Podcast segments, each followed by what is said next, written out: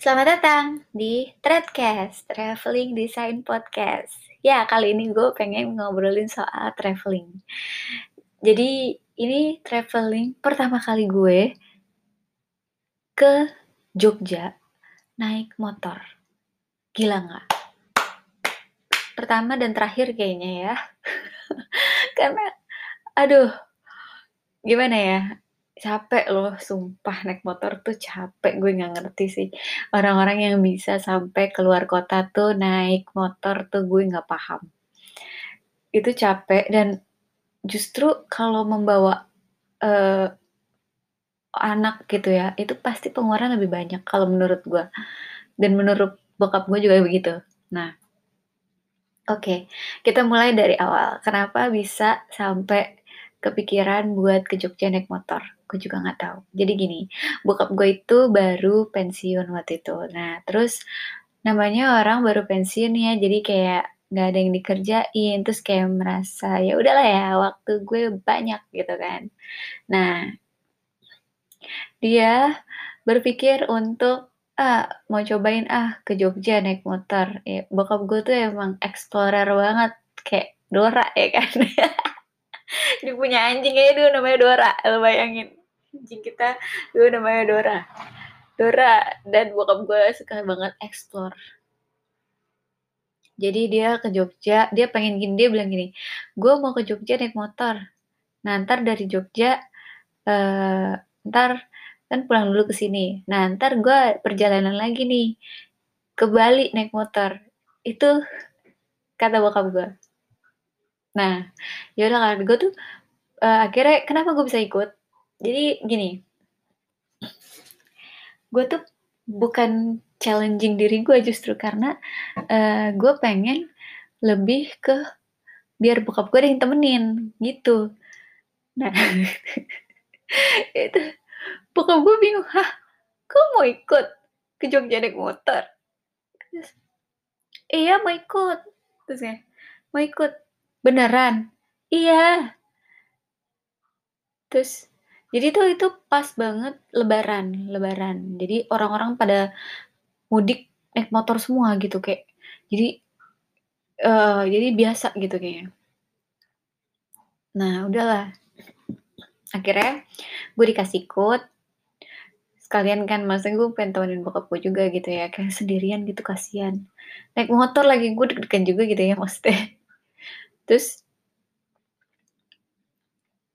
udah gitu jalanlah dari rumah gue ke arah yang jalan kan lewatinya tuh jalanan apa sih Pantura ya jalanan Pantura. Setiap perjalanan tuh gue liatin tuh jalanannya. Ya lewat sini lewat sini lewat sini. Ada namanya lemah abang ya. Yaudah akhirnya kita istirahat dulu di lemah abang. Istirahat beli es kelapa segala macem ya kan. Seru banget gitu terus udah gitu setiap kayak kalau capek kalau ditanya bokap gue tak capek nggak? Mau makan dulu gak gitu. Ya udah minggir dulu makan dulu. Itu bener-bener aduh Tuhan itu kayak kayak gue antara kuat nggak kuat dan itu bayangin itu pakai dulu motornya itu adalah Supra X eh Supra Fit. Honda Supra Fit. Terus hmm, uh, gue punya tas gue gendong gitu. Antar gue gendong apa di depan gue ya gue lupa deh pokoknya. Terus uh, bokap gue juga di depannya bokap gue gitu. Udah nih itu kayak bener-bener orang mudik bayangin mudik mudik yang baru ba, yang sering gue lihat naik motor gitu. Kayak mungkin tapi nggak terlalu banyak barangnya gitu. Karena uh, kayak cuma seminggu apa kok nggak salah. Gitulah udahlah ya terus akhirnya bannya bocor.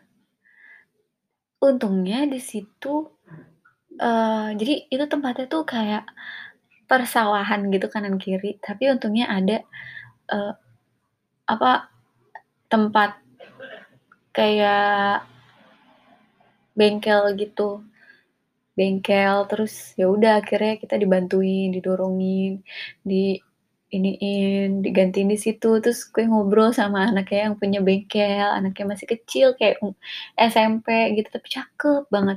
Ya gitu-gitulah intinya, kayak kayak setiap perjalanannya tuh ada sesuatu hal yang, eee, ada aja gitu, kayak kayak ada pengalamannya gitu, ketemu orang baru, ngobrol, segala macem. Udahlah ya, akhirnya kita jalan lagi itu udah udah agak sore, kita jalan lagi sampai malam, akhirnya sampai Cirebon. Malam sampai Cirebon dan itu gue udah ngantuk. Udah ngantuk banget dan bokap gue kayak takut gitu ya anaknya gimana-gimana, mana ngantuk kan, kalau bokap gue kan kuat ya. Terus ya udah akhirnya kita nginep dulu di Cirebon. Dan paginya berangkat lagi. Serius, itu paginya kalau nggak salah jam 7.00 itu berangkat lagi kita, akhirnya nyampe eee, itu dari Cirebon ke Jogja ada berhenti nggak ya? Lupa gua. Karena seinget gua, perjalanannya itu yang paling banget gue ingat adalah dari Jakarta ke Cirebon ya justru.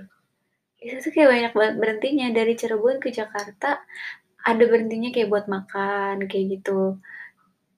Tapi itu bener-bener wow gitu, kayak gila gua dari Jakarta sampai Jogja naik motor. Jadi lo baya gue bayangin tuh kayak, eee, apa namanya, orang-orang yang selalu mudik naik motor, gimana sih maksudnya kayak lu sendiri tapi lu naik motor, lu nggak mendingan kayak naik bus lah setidaknya, lebih murah, naik kereta lebih murah, jujur lebih murah jauh. Lu kayak misalkan di rumah lu kan kalau mudik kan otomatis lu pulang ke rumah, di rumah lu pasti ada kendaraan buat lu ke mana gitu ya. Bener nggak sih? Nggak tahu juga sih, tapi kalaupun enggak lu bisa sewa atau gimana. Kayak terlalu ca kalau buat gue, gue capek sih, tapi banyak hal yang wow gitu, kayak enak juga gitu naik motor. Terus lu bayangin akhirnya kita di Jogja, itu berapa hari, karena memang, eee, waktu itu kita punya tempat tinggal di Jogja. Kita tinggal di situ. Itu terakhir kalinya gue tinggal di rumah itu, rumah gue di Jogja. Intinya seperti itu.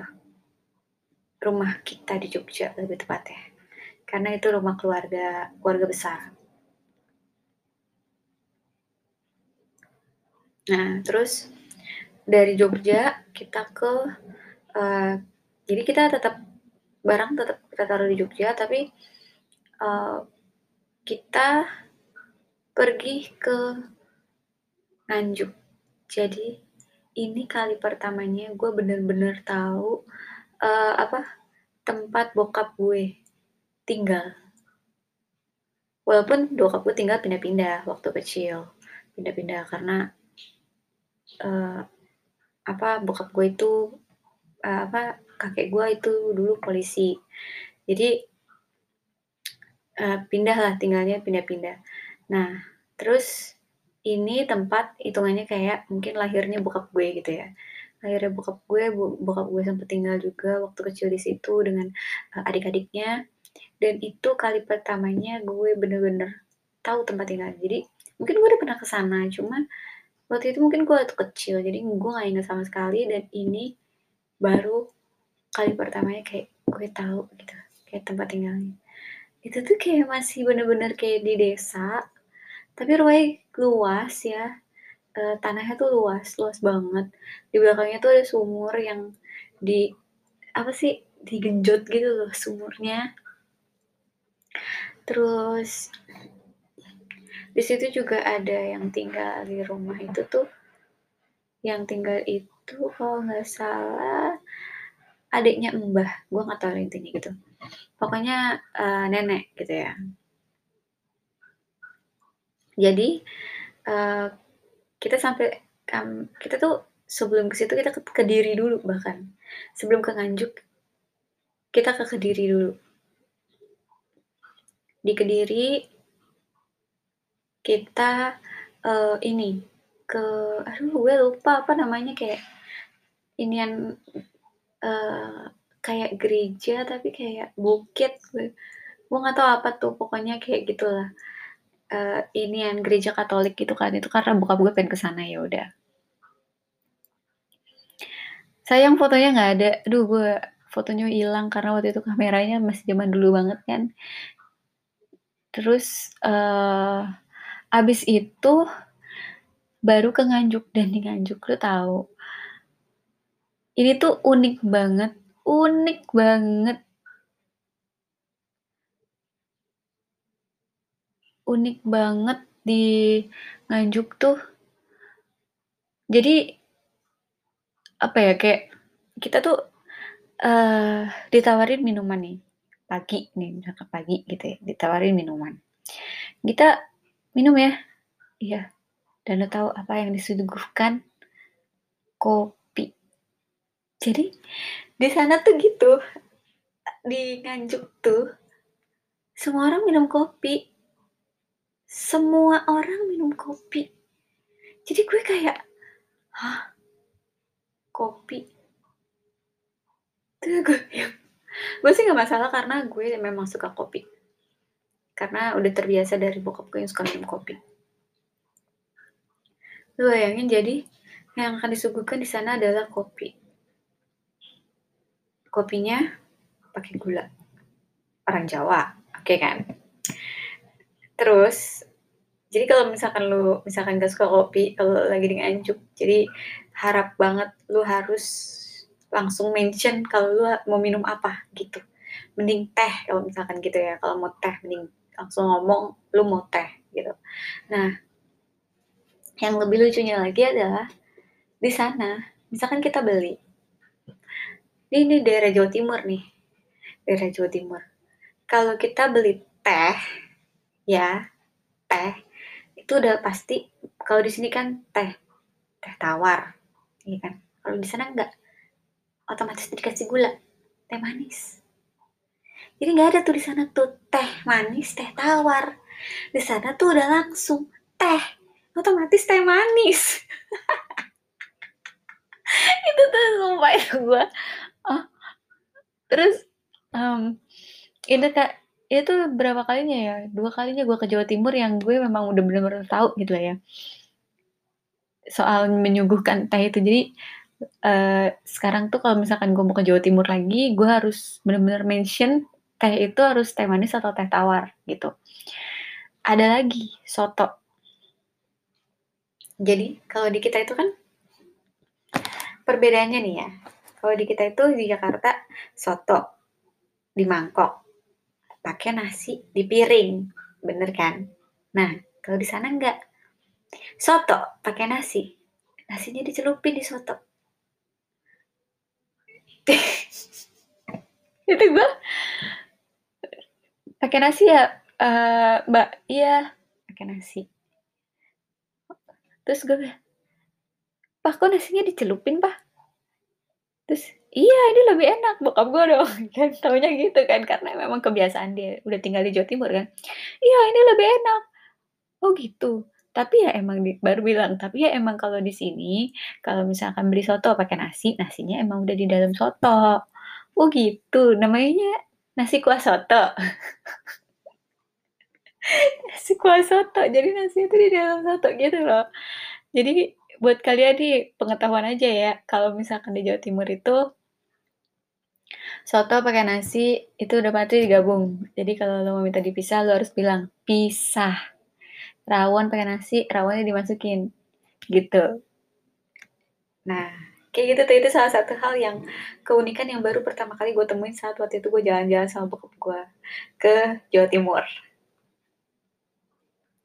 Dan itu salah satu pengalaman gue juga lu bayangin gue juga dari Jogja ke Jawa Timur itu naik motor.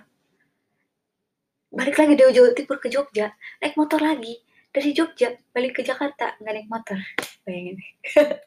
Nggak jadi gue pulangnya itu gue nah bokap gue dari gue dari Jogja sampai uh, apa ya namanya Be Kebumen dari Jogja sampai Kebumen itu gue naik motor eh naik motor di antar bokap gue itu tempatnya uh, ada uh, apa ya kayak karyawan nyokap gue lah yang tinggal di Kebumen. Nah, itu biar sekalian dia dia lagi di situ, jadi biar sekalian nanti pulang bareng gue naik bus gitu. Nah, akhirnya ya udah pulang naik bus. Gue jalan-jalan dulu tuh di Kebumen sehari, besoknya pulang sama karyawan nyokap gue gitu. Supaya katanya bokap gue supaya nggak capek. Ntar kecapean lagi kayak kemarin gitu. Ya itu salah satu hal pengalaman gue jalan-jalan naik motor sama bokap gue dari Jakarta, Jogja, Jogja, eh, Kediri, Nganjuk, Nganjuk, balik lagi ke Jogja, dari Jogja ke Kebumen. Jadi bokap gue itu bener-bener explorer. explorer dan lo harus lo akan lo akan dengar cerita-cerita mungkin ada sesuatu hal yang lo ini, ini cerita soal bokap gue juga nih ini intermezzo aja ya yang terakhir cerita bokap gue kalau misalkan dia kita punya uh, aku punya gue punya adik di Nias ya kan? Nah yang udah ke Nias itu bokap nyokap sama kakak gue gue belum pernah nih. Kakak gue sama nyokap gue kalau ke Nias biasa naik pesawat kan. Langsung nyampe tinggal dari bandara jalan kaki ya kan? Karena memang uh, adik gue ini suaminya emang kerja di bandara Nias nah terus bokap gue lah ya kan awal-awal naik pesawat. Eh ke sini sininya udah udah udah berapa kali ya? Ini dua tiga kali kayaknya. Dia uh, setelah naik pesawat ya waktu itu nih tiga kalinya dia naik kapal. Jadi dia naik kalau nggak salah dia langsung naik uh, kapal ke ke mana gitu. Gue nggak tahu nama nama pelabuhannya. Nah dari naik kapal, terus dia naik apa lagi gitu kayak naik bus atau naik apa, terus sampai tuh di Nias, kayak gitu. Terus pernah lagi dia dari Medan naik bus sampai Jakarta. Habis itu pulang-pulang kakinya bengkak. Gila parah banget gue ngetawain bokap gue tapi itu emang bokap di explorer banget sih. Emang bener-bener bokap gue tuh emang bener-bener parah banget kalau udah se explore tuh dia kayak pengen mau mencoba segala hal gitu kayaknya. Pengen mencoba mencoba mencoba terus kayak menurut dia uh, dia aman dan merasa nyaman dengan menggunakan itu dia akan menggunakan Kayak itu kayak naik pesawat itu ke Nias. Jadi kan kayak dari waktu itu dari Padang apa dari Medan ya gue lupa. Dari Padang kayaknya. Dia naik pesawat sih sebelumnya kayak berapa kali ke Nias tuh. Pokoknya setiap mau dari bandara transit Medan atau Padang kan pakainya pesawat kecil. Ya kan waktu itu belum ada Garuda yang langsung ke Nias. Oh sekarang kan udah ada ke Nias langsung. Nah waktu itu belum ada. Jadi itu ada ada apa namanya kayak um, pesawat kecil gitu kayak cuma berapa kapasitas berapa orang gitu nah itu kan memang kayak kalau pesawat kecil kan emang bunyi ya